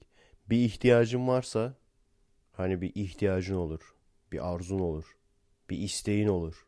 Bir hevesin olur. Sen şimdi yeni LGBT'sin. Bir ihtiyacın olur belki. İhtiyacın olursa her daim arkandayız yani. Var mı bir ihtiyaç olur? Su ve ihtiyaç molası olur. Varsa bak çekinme söyle bak burada. Ne ihtiyacın varsa karşılamaya hazırız burada arkadaşlarla. Yani olabilir. Yargılamıyoruz. Yaya yol verirsin. Ona buna vurdurursun. Yargılamıyoruz yani. Her daim destekçiniziz. Bir ihtiyacın, hevesin varsa söyle yani. Bak burada giderelim. Evet. İntiharı düşünüyorum diyor arkadaşımız. Yani zamanında düşünmüş, şu an düşünmüyormuş. Bu konu hakkında değinir misin diyor. Zaten genelde değiniyorum. Hatta intiharla ilgili yaptığım konuşmalarda faydalı olmuş. Maalesef birçoğumuz yalnızız değil mi arkadaşlar? Bulunduğumuz mekanda yani. Birçoğumuz yalnızız. Etrafımızda çok fazla insan var. Ama kendimizi böyle bir tek arkadaş olmayan, kendi fikrinde arkadaş olabileceği kimse olmayan tek bir kişi gibi görüyoruz yani. Zaman ilerledikçe büyüdüğünüz zaman gençken gerçekten her şey zordur. Ailenle yaşamak zorundasın. Ailenle aran iyi değilse sıkıntı. Sınıftaki arkadaşlarına bir arada olmak zorundasın. Olmamayı seçemezsin. Bunlar hep sıkıntı. İnsanlar acayip düşüncesizdir lisedeyken. Bunlar sıkıntı. Ama dediğim gibi hayata gelmişsin. Bu çok önemli yani. Hayata gelmişsin. Yaşama şansını yakalamışsın. Birçok insan keşke o şansı yakalamasaydım diyor farkındayım. Hepimiz aynı ülkede doğduk. Az çok birbirimizi anlarız yani. Belki hayatın bir yere gitmiyor diye düşünüyorsun. Belki bir geleceğin olmadığını düşünüyorsun. Benim zamanında ben çok yaşadım bunu. Yani dedim ki geleceğim bitti artık. Yapabileceğim şu an hiçbir şey yok. Birkaç kere yaşadım bunu yani. En son işte kendi çapımızda işte dijital fotoğraf makinesiyle işte kendi aramızda filmler çekiyor. Benim hayalim ama böyle işte ünlü bir filmci olmak. Hayalim o. Yaptığım iş 3 kişi toplanıp ev videosu çekmek dijital fotoğraf makinesiyle. Yani oradan nasıl ünlü filmciliğe geçeceğiz? Onu hayal bile edemiyordum. Şu an en azından hayal edebiliyorum. Şu an en azından hayal edebilecek noktaya geldim. Ondan sonra iş ararsın bulamazsın. Çok iş aradım ben. Hep de şunu diyordum kendi kendime. Ya bu adamların kafası mı basmıyor? Veya hepsinin mi kafası basmıyor? Ve insan gerçekten sorun acaba bende mi demeye başlıyor. En son astronomiden de yüksek yapamayınca, yükseğe alınmayınca haksız yere alınmadım ama iyi ki de alınmamışım diyorum. Çünkü tamamen boşta olmayayım diye öyle bir sarılmaydı o yani. En azından teyzeler çok merak eder ya çıldırırlar yani. Teyze adım bilmiyorsun amına koyayım ya. Adım ne diyor sorsam bilemezsin yani. Ne oldu işe girdin mi? İşe girdin mi? Herkesin maaşının, sigortasının primini bilir ya ama. Adını bilmez. Adım ne diye sorsan Efe diyemez yani. Şey diyeceksin. Girdim pezevenk oldum. Maaşlı. Abaso ile çalışıyor. Veya Kent Kart gibi. Kent Kart'a yüklüyorlar abi. Bir tam bir öğrenci. Basıp geçiyorsun girerken turnikeden. Yani sürekli insanı bunlar bunalıma sokar. Çünkü kendi potansiyelini biliyorsun. Ne kadar çok şey bildiğini biliyorsun. Çalışkan bir insan olduğunu biliyorsun. Ve işin kötü yanı senin etrafındakiler seni tembel sanıyor işe girmediğin için. Giremediğin için veya uğraşmıyorsun sanıyor. Buna da iş beğendiremiyoruz falan. Ya ne oldu buraya geldim beğendim. Oraya gideceksin de havada mı kapacaklar? Geldim havada kaptılar. Yani şehir efsanesi o şehir efsanesi doğru. Kızlar teklif ediyoryu bilmiyorum ama onu bilmiyorum çünkü sürekli hem evli olduğum için hem yüzüğüm olduğu için hem de genelde eşimle gezdiğim için o noktayı bilmiyorum ama şeyi biliyorum. Kızlar, bayanlar değil herkes aslında e, çok daha sıcakkanlı, konuşkan yani. O bizim kötülüğümüzden kaynaklanmıyor aslında. Biraz da toplumdan kaynaklanıyor. Çünkü bir kız gelip de seninle konuşsa, muhabbete girse, kız seninle muhabbete girse ne dersin? Verici dersin değil mi? Yalansa yalan de. Oo bu kız yolluymuş. Yani evet hani şey diyoruz ya biz kezbanlardan daha iyisini hak ediyoruz falan. Diyoruz evet ama hak etmen de lazım yani. Kızların birçoğu kezbanlık yapıyorsa kezbansa bunun suçlusu erkekler de aynı zamanda. Kız gösterip gösterip vermiyorsa onun bir sebebi var. Veya işte eline dokunduğun zaman hemen biz ne olduk şimdi? Hayatımdaki yerini öğrenmek istiyorum falan diyorsa onun bir sebebi var yani. Çünkü şunun farkında. Kızda da aslında sende nasıl hormon varsa kızda da hormon var. O da bir şeyler yapmak istiyor yani. Ama yaparsa bir motor diyeceksin. iki çabuk sıkılacaksın. Başkasına geçeceksin. Üç arkadaşlarına anlatacaksın bir de bu olayı. Bilmem kime çaktım diye. Ondan sonra ne olacak? O arkadaşlar ve 3-5 kişi toplanacaklar. Pınar, Hilmi'den ayrılmışsın çok üzüldük. Var mı bir ihtiyacın? Bir ihtiyacın varsa söyle. yani aynı şey şeyde de geçerli. Hani insanın insana saygısı var diyorum ya eyvallah. Ama senin de saygı göstermen lazım yani. Çünkü şunu ben çok görüyorum. Abi işte Türkiye'de de sistem çok kötü. Kimsenin birbirine saygısı yok bilmem deyip yere çöp atıyor ondan sonra adam. Veya ne bileyim yüksek sesli müzik dinliyor. Ondan sonra geliyor abi Türkiye'de de kimsenin birbirine saygısı yok ya. Yani hepsi olabilir arkadaşlar. Hayatım hiçbir yere gitmiyor. Burada kısılı kaldım. Hepsini ben yaşadım. Birçoğunuz da bunu yaşıyorsunuzdur. Çok yalnız hissettiğinizi de biliyorum. Birçoğunuzun. Ama dayanacaksınız yapacak bir şey yok. Çünkü dayandıkça daha iyiye gidecek. Sonuç itibariyle çalışan kazanır. Buranın güzel yanlarından bir tanesi o. Sanıyorum ki Amerika'nın kendi yerlilerinin biraz tembelliğinden kaynaklanıyor. Sadece kendi tecrübelerimden değil, diğer göç eden arkadaşların da tecrübelerini söylüyorum. Onlar da aynı şeyi söylüyor. Yani senin çalışmaya niyetin varsa sana parayı veriyor adamlar. Yani sen çalışmaya niyetli misin? Al sana dolar. Hani git oradan sertifika al, git bunu yap, git onu yap muhabbeti yok yani. Geldik, işe girdik, ufak ufak başladık. Şimdi belki sertifikalı öğretmen olmak için bize eğitim nasıl alınır onun yardımını yapıyorlar. Bizi yönlendiriyorlar yani. Daha üst seviye hoca olalım diye. Ondan sonra mesela vergi zamanı geldi. Hiç öyle kuyruğa gir bilmem ne yap muhabbeti yok yani. Vergi formları var. Hani normalde şeydir ya.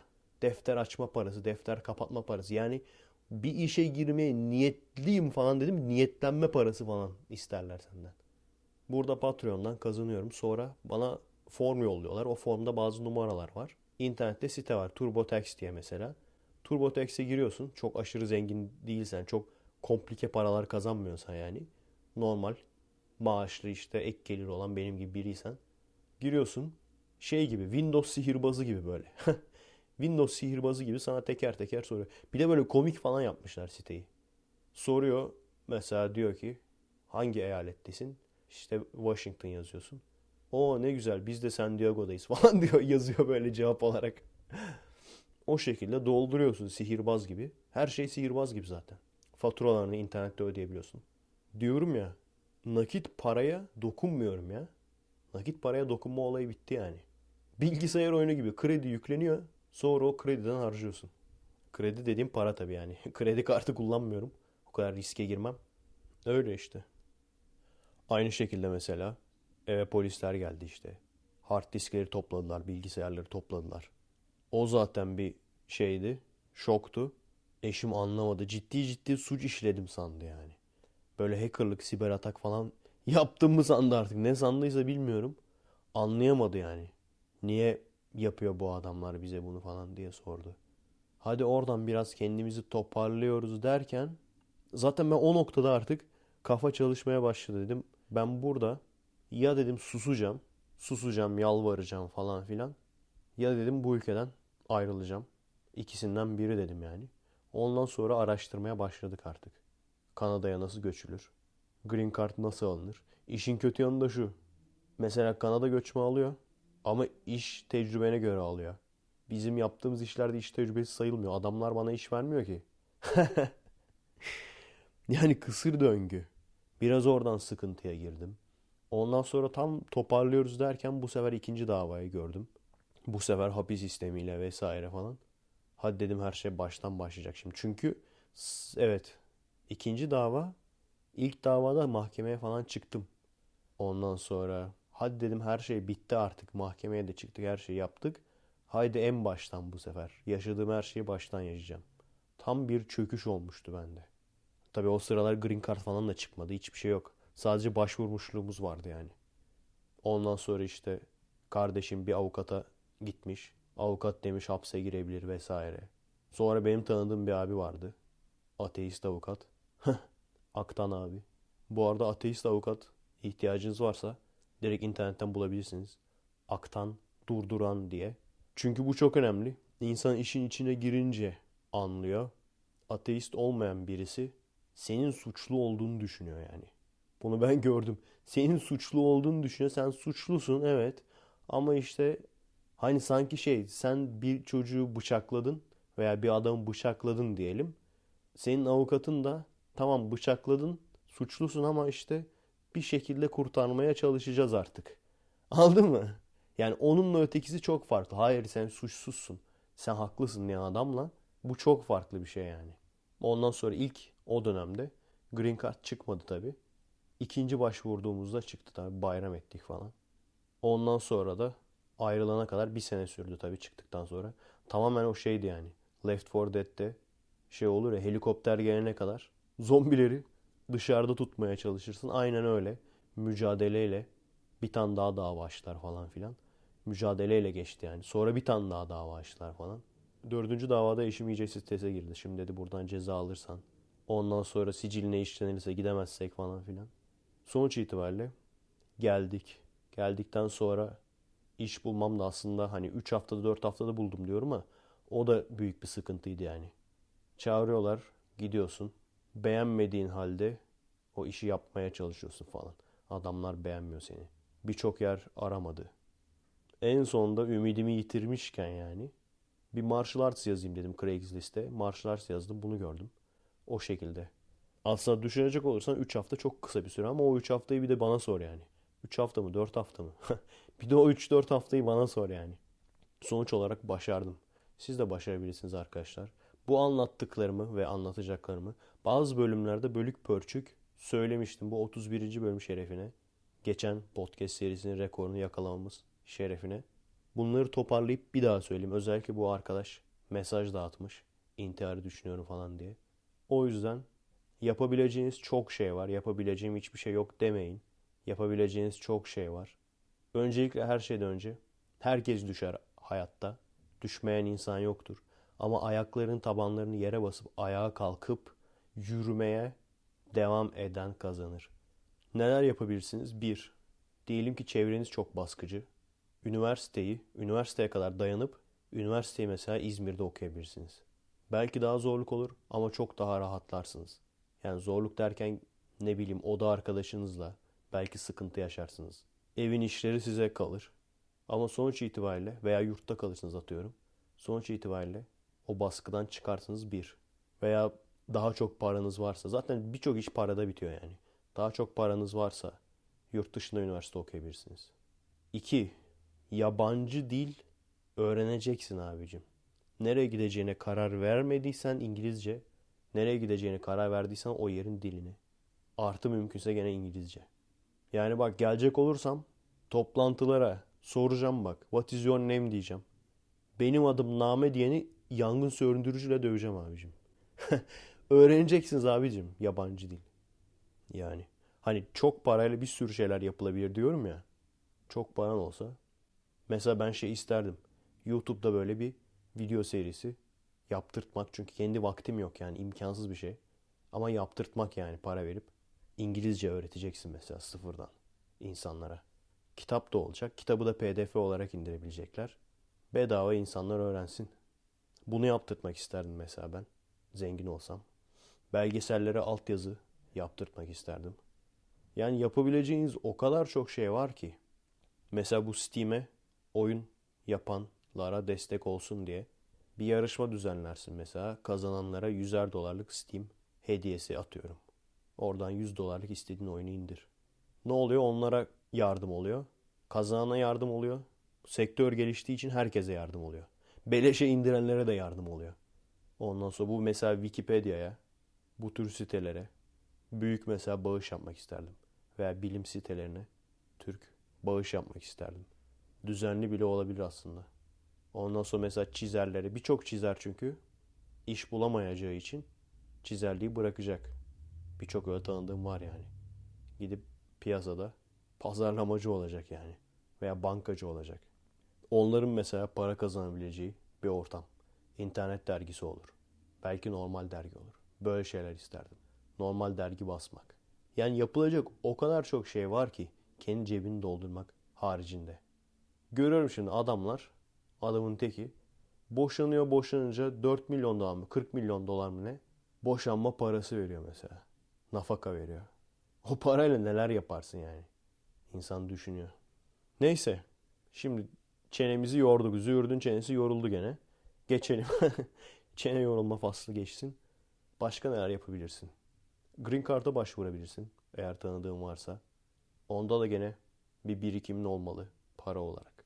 Yurt dışında bir tanıdığın olmalı. Yani o kadar kolay değil. Amerika'da bir tanıdığın varsa her şeyden önce bunu düşünebilirsin. Bu olayı.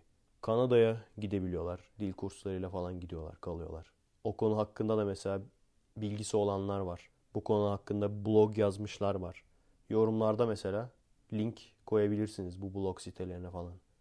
Ondan sonra dediğim gibi hiç kararınız belli değilse Avrupa olabilir. Çünkü Avrupa yakın. Yani ilk etapta onu düşün. Çünkü geri gelmek isteyeceksiniz abi. Ben diyordum ki hayatta dönmem diyordum. Ama insan özlüyor yani. Şu an hala da kararsızlık aşamasındayım ama yazın kesin dönüş olsa da olmasa da ben bir dönerim yani. Çünkü koydum yani. Kefeye koydum. Buranın artıları Türkiye'nin artıları. Türkiye'de işte dediğim gibi arkadaşlarım. Ondan sonra bu amatör oyuncu dediklerim bunlarla yapmak istediğim projeler. Ailem, Türk yemekleri vesaire. Taharet musluğu tabii ki. Taharet musluğu. En önemli şey. Taharet musluğu. Ve taharet musluğu demiş miydim? Evet taharet musluğu. Burası burada işte insanların saygılı olması. Hayvanat bahçesi olmaması. Çalışmaya niyetin varsa çalışabiliyor olman. Çalışanın hakkını alabilmesi. İnsanların sana zorluk değil kolaylık sağlaması.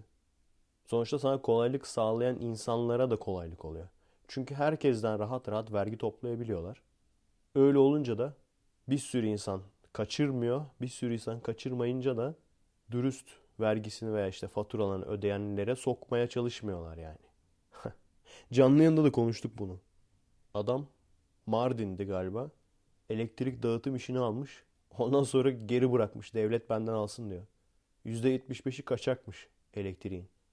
Parayı almaya gidemiyoruz diyor. Can güvenliğimiz yok diyor falan. Şimdi bak aslında her şey birbiriyle bağlantılı değil mi? Her şey aslında birbiriyle bağlantılı olarak bizim güçsüz olmamızdan kaynaklanıyor. Çünkü her şeyden önce sen oraya elektrik dağıtıyor musun? Dağıtıyorsun.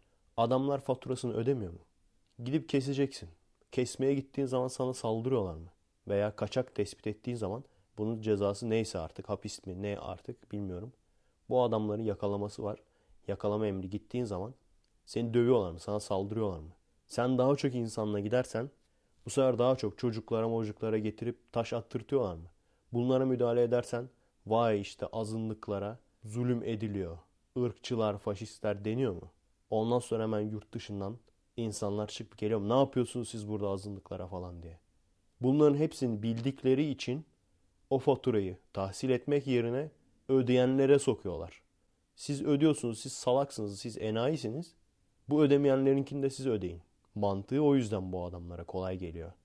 Yani bu tamamen zayıflıktan kaynaklanıyor. Yani düşün. Ben doğuda olsam şimdi şey yapacaklarmış. Öyle olursa çöker lan. Bir arkadaş söyledi canlı yayında. Abi dedi mesela doğunun kaçağını doğu ödeyecek bundan sonra dedi. Batının kaçağını batı ödeyecek dedi. Doğu çöker lan. Çöker abi. çöker lan. Nasıl olacak o iş bilmiyorum yani. Neyse abi sonuç itibariyle ha onu diyordum. Şimdi ben doğuda yaşıyor olsam bana sürekli gelip de faturayı verip bak bu fatura bir o kadar daha da ödemeyenlerin parası. Ahırını ısıtan adamların parası da onu da sen vereceksin deseler ben de ödemem abi. Bence %75'in sebebi o yani. Ben de kaçak elektrik kullanırım. Yani öyle bir durumda ben de kaçak elektrik kullanırım abi. Milletin enayisi ben miyim? Milletin salağı ben miyim yani? Bir de burada mesela Amerika'ya bakın. Adamlar dediler abi Irak'ta kitle imha silahı var gibi geliyor bize falan diye girdiler abi. işgal ettiler. Onlara karşı savaşanları öldürdüler vesaire. Kapı kapı dolaştılar, evlere girdiler, çıktılar. Aa dediler bulamadık. Gerisin geri döndüler. İşte insanlar muhalefet yaptı, laf etti bilmem ne. Ne oldu hiç? Laf. Laftan öteye gidilebildi mi? Adamlar yaptığıyla kaldı abi. Yani tabii biz bunu yapabilelim demiyorum. Ama en azından kendi hakkımızı koruyabilelim. Kendi hakkımızı o kadar şımartıyorlar ki bazı insanları. Kendi hakkımızı koruyamıyoruz. Yani sen elektrik faturası tahsil edemiyorsan sen devletim deme abi. Elektrik faturası tahsil edemiyorsan sen devletim deme kendine. Yani şey diyorlar ya yakında işte ismi değişecek yeni Osmanlı olacak. Keşke değişse ya. Şimdi ben yabancı birine şey mi diyeceğim Atatürk'ün kurduğu Türkiye Cumhuriyeti bu mu diyeceğim yani. İnsan utanır ya. Atatürk'e hakaret yani. O yüzden ne yapacaklarsa yeni Osmanlı mı yapacaklar? Yeni rakı mı yapacaklar? Ne yapacaklarsa yapsınlar yani. Yeni harman mı yapacaklar? Biliyorsunuz bir kadının söylediği bir laf vardı. 90 yıllık reklam arası bitti diye. Yani bu olay hani gizli tarih falan değil. Hardcore history falan değil böyle. Bildiğin normal okulda öğretilen o bıyıklı tarih hocasının öğrettiği şeyler. Çok basit. Bunu bile insanlar nasıl bilmiyor? Yani o derste sen işte tek yapman gereken derse girdiğin zaman hani ekstradan bir araştırmana bile gerek yok. Gidip de işte Merve'ye mesaj atacağın derste oturup o adam ne diyor onu dinleyeceksin. Çok böyle tartışma yaratan konular değil ki atıyorum Ermeni soykırımı falan. Bunlar çok net şeyler yani. Osmanlı'nın durumu. Hani şu an şey diyorlar. İşte Kemalistlerin uydurması aslında Osmanlı çok iyiydi falan. Hayır. Git yabancı kaynaklara bak. İstediğin yabancı kaynağa bak. Birinci Dünya Savaşı'ndan bile önce. Ve biz hani diyorduk ya Osmanlı için hasta adam diyorlardı. Aynı laf. Sick man of the Europe. Aynı ifadeler. Yani bu kadar üst düzey olabilmiş insanların bu kadar cahil olabilmesi nasıl olabiliyor lan bu? Yani ne bileyim hani o mevkiye gelebilmek için bir takım böyle evraklar falan imzalamış olmasına gerek yok mu? O nasıl imzalamış yani? Nasıl eline kalem almış da imzalamış yani? Aklı nasıl yetmiş ona? Osmanlı'nın mesela bir şey soracağım ciddi ciddi. Kim olduğunu bilmiyorum o bayanın adını falan bilmiyorum. Tipini gördüm adını da gördüm ama unuttum yani. Umurumda değil çünkü. Biri sorar mı? Osmanlı neden Birinci Dünya Savaşı'na girdi? Biri sorabilir mi? Neden Osmanlı Birinci Dünya Savaşı'na girdi? Osmanlı'nın Birinci Dünya Savaşı'na girmesinin sebebi o kadar kötü durumdaydı ki kendisiyle ortaklık yapacak Avrupa'da ülke arıyordu. Fellik fellik. İngilizler reddetti. Diğerleriyle olmadı. En sonunda Almanlar kabul etti. Savaş öncesi oluyor bu olay. Almanlarla ortak oldular. En azından şu ekonomiyi biraz düzeltelim. Almanların da kafasında şey var tabii ileride Ruslara saldırmamız gerekirse Osmanlı üzerinden yaparız. Bunları anlatmış olmam lazım. Ayıp ediyorsun bayan. O 90 yıllık reklam arası diyen bayan. Ayıp ediyorsun. Ben bunu podcast'te söyledim. Dinlemiyor musun sen benim podcast'leri? Ve o yüzden ortak olduğu için Almanlar savaşa girdi. Onunla birlikte onun yancısı olarak biz de gittik Rusları bombaladık. Biz de savaşa girdik. Ondan sonra lüzumsuz girdiğimiz savaş yüzünden işgal altına girdik. Yani olayın bizimle hiçbir alakası yok. Avrupa'nın büyük güçlerinin birbiriyle kapışması.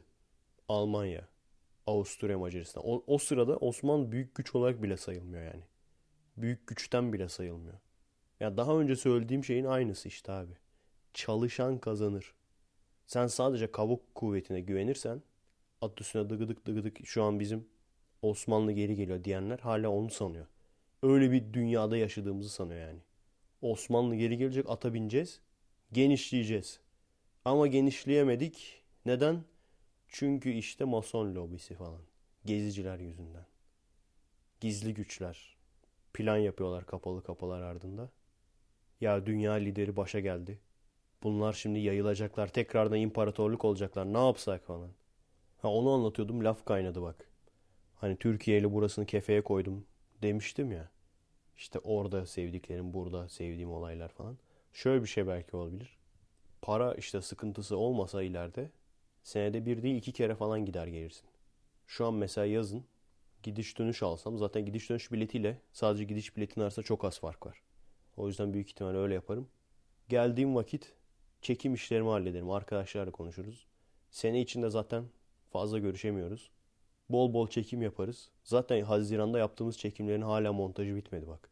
Astronomi serisi 3 var. Daha onun montajı olacak. Bir iki kısa film çekir. Sadece çekim yaparım yani. Hiç montajla uğraşmam. Ondan sonra burada teker teker montajlarım, montajlayıp sürerim. Yani çoğu zaman her şey parada bitiyor arkadaşlar. Para olsa. iki kere çünkü tatil yapıyoruz burada.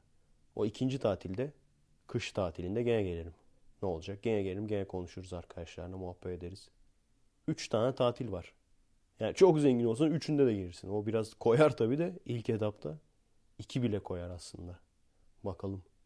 Zorlasak ikiyi çıkartırız ama ya. İki kere gelirim giderim ne olacak senede. O zaman işte o cosplay etkinliklerine de gidebilirim. Çünkü neredeyse mesela yeni bir cosplay etkinliği olmuştu. Neredeyse tatillere denk geliyor. Yaz tatiline denk geliyor mesela bir tanesi. Onlara da gelmiş olurum. Bir sene yetecek çekim de yapmış olurum. Veya iki kere girsem altı ay yetecek çekim de yapmış olurum. Hepsini yaparız yani. Taharet musluğuna da kavuşmuş olur. Bu arada gene alakası konulardan bir tanesi. Hep söylemek istiyordum. İnternetten Twitter'dan arkadaşlara sordum. Ben bu konu hakkında konuşmuş muydum diye. Bazıları hatırlamıyoruz dedi. Bir tanesi üstün körü geçtin galiba falan dedi. O yüzden daha detaylı anlatayım. Komik bir olay. Şimdi şu anda büyüdük ya. Üniversiteliyiz veya daha büyüğüz, çalışıyoruz falan. Anne baba yaşlandı. Sürekli bizi trollüyorlar değil mi? İşte bilgisayarı bozuyorlar. Gidiyorsun tamir ediyorsun. Daha sen eve varmadan tekrar bozuluyor falan. Arıyorlar ben tekrar bozdum virüs girdi falan. Şu şu şu sitelere girme diyorsun tamam diyor. Eve gidiyorsun girmiş. toolbar'dan belli yani. Girmedim diyor ama toolbar'dan belli yani. Hatta öyle birisi caps yapmıştı. Babam 5 dakika bilgisayara bakacağım dedikten sonra diye. Bütün böyle Google Chrome toolbar'da olmuş böyle. Ben gidip bakıyorum mesela. Başlangıçta otomatik açılanlar. Temizliyorsun. Bir hafta sonra geliyorsun aynıları. İşte Google, Google yerine Q ile yazılıyor. Google. Ondan sonra şey işte Super Stream Downloader bilmem ne. Neydi? P- PC Maintenance diye bir şey vardı değil mi? PC Maintenance Performance Optimizer. Sürekli böyle sağdan soldan reklamlar çıkıyor falan. Düşünecek olursanız arkadaşlar annenin babanın size yaptığı trollük aslında intikam alma. Yani sizin çocukken yaptığınız ne varsa şu anda siz büyüdüğünüz zaman aynısını size yapıyor. İntikam. Büyük ihtimalle anneler babaların böyle gizli bir komisyonu var. Gizli bir örgütü var böyle anne baba örgütü diye. Orada kararlaştırıyorlar. Mesela herkesin içinde konuşup seni utandırıyor mu? Düşün bakalım küçükken sen de aynısını yapıyordun değil mi? Misafirlerin arasında dangalaklık yapıp anneni babanı utandırıyordun.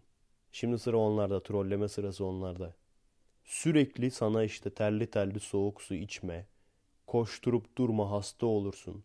Soğukta işte buz gibi soğukta top oynama, terleme vesaire dediği halde yediğine içine dikkat dediği halde sen tamam tamam deyip dinlemeyip ondan sonra hastalanıp annene babana kendini baktırtıyordun değil mi? İşte o bilgisayara virüs kapmaları da o yüzden. Sen temizliyorsun virüs kaptırtıyorlar tekrardan. Sen de çünkü aynısın diyordun değil mi? Ne yaptın terli terli su mu içtin falan soğukta top mu oynadın? Yo yapmadım. Yaptın aslında. Ondan sonra işte mesela sen küçükken böyle bir resim yaparsın falan böyle saçma sapan bir resim. Karalama. Annene babana gösterirsin. Beğenmediği halde o çok güzelmiş falan derler. Bir de sen üzülme diye buzdolabına falan asarlar böyle. Atarlanma diye. Şimdi aynısını sen yemeğe gittiğin zaman yemeği beğenmesen bile ayıp olmasın diye çok güzel yemek falan diyorsun böyle. Ondan sonra öyle olunca her geldiğinde aynı yemek yapılıyor. Madem beğendin al sana diye. Tabii klasik şey var. Bilgisayarda bir şey yapmayı veya teknolojik herhangi bir alette bir şey yapmayı sorarlar. Sürekli aynı şeyleri döndürüp dolaştırıp sorarlar. Ama aslında küçükken sen de aynısını yapıyordun. Baba şu ne demek, anne şu ne demek. Ondan sonra tekrar. Ertesi gün baba şu ne demek, anne şu ne demek. O da onun intikamı. Görüyorsunuz arkadaşlar bütün trollükler anne babanın aslında sizin küçükken yaptıklarınızın intikamı. Ha tabii ki olur olmaz yerde huysuzlanmanız, kavga çıkarmanız, onların böyle ortamı yatıştırmaya çalışması falan. o da klasik. Yaşlanınca bu sefer onların olur olmaz yerde kavga çıkarması falan. Senin ortamı yatıştırmaya çalışman. Bu arada şeyi tavsiye ettim mi? Onu yazmışım buraya da üstünü çizmemişim. Transcendence filmi. Film tavsiye bölümünde onu söylemiş miydim? Söylemediysem bir daha söylemiş olayım. Transcendence, Johnny Depp'in filmi. Yapay zeka ile ilgili. Umarım bu sefer biraz daha mantıklı yapay zekadır. Fragmanını gördüm beğendim baya. Seyredeceğim. Bu şeyler gibi değil yani. Terminator yapay zekası gibi değil. Mesela Robopocalypse diye bir kitap vardı. Ha anlattım değil mi? Siz işte Spielberg filmini çekecekti falan hala bekliyoruz. Orada mesela o kitaptaki robotlar gerçekten robot ileride öyle olmalı yani. yani robot istilası, robot saldırısı olursa yani insanları öldürmeye çalışıyor. Tak tak tak en böyle ölümcül yerlerine sıkıyor. Çok hızlı bir şekilde böyle. Çok hızlı bir şekilde algılıyor. Çok hızlı bir şekilde sıkıyor yani. Şeyde Terminator'da bir kişiyi öldürmek için hele Terminator 3'te iyice boku çıktı artık o işin. Bir kişiyi öldürmek için sen yollanıyorsun. Yani senin ana görevin o. İşte Can Connor'ı öldür. Görüyor, yakalıyor, buluyor. Oradan da yazıyor primary target. Ana hedef. Ellerinde yani. Öldür diyor. Sen de sanıyorsun ki bir tane koyacak böyle kalbine. Öldürecek. Veya işte elini bıçak yapacak, sokacak, öldürecek. Alıyor. Ta uzağa fırlatıyor. Öldürmek için. Ondan sonra işte masanın üstüne falan düşüyor Can Kanır. Gidiyor tekrar yakalıyor falan. Alıyor uzağa fırlatıyor. Yani Terminator serisinin en saçma olayı oydu yani. Senin ana hedefin var. Birini öldürmen lazım. İnsan gibi böyle zevkini çıkartayım. Oradan oraya atayım, oradan oraya atayım olayı. Özellikle 3'te çok vardı o. Evet arkadaşlar büyük ihtimal bir saati doldurduk. Şu anda evde olduğum için saat de 10'a yaklaşıyor o yüzden daha da fazla konuşmayayım. Saat 10'dan sonra gürültü yapmak yasak. Çamaşır makinesi bile çalıştıramıyorsun. Yani bunları tabii düşünmeniz lazım. Öyle aklınıza estiği her şeyi yapamıyorsunuz yani. Adresimiz youtube.com bölü kommek, twitter.com bölü kommek, destek olmak isteyen arkadaşlar için patreon.com bölü efaydal. Beğendiğiniz podcast ve videoları paylaşırsanız sevinirim. Kendinize iyi bakın. Bilime emanet olun. Merhaba arkadaşlar. Nasılsınız? Keyifler nasıl? Kendinize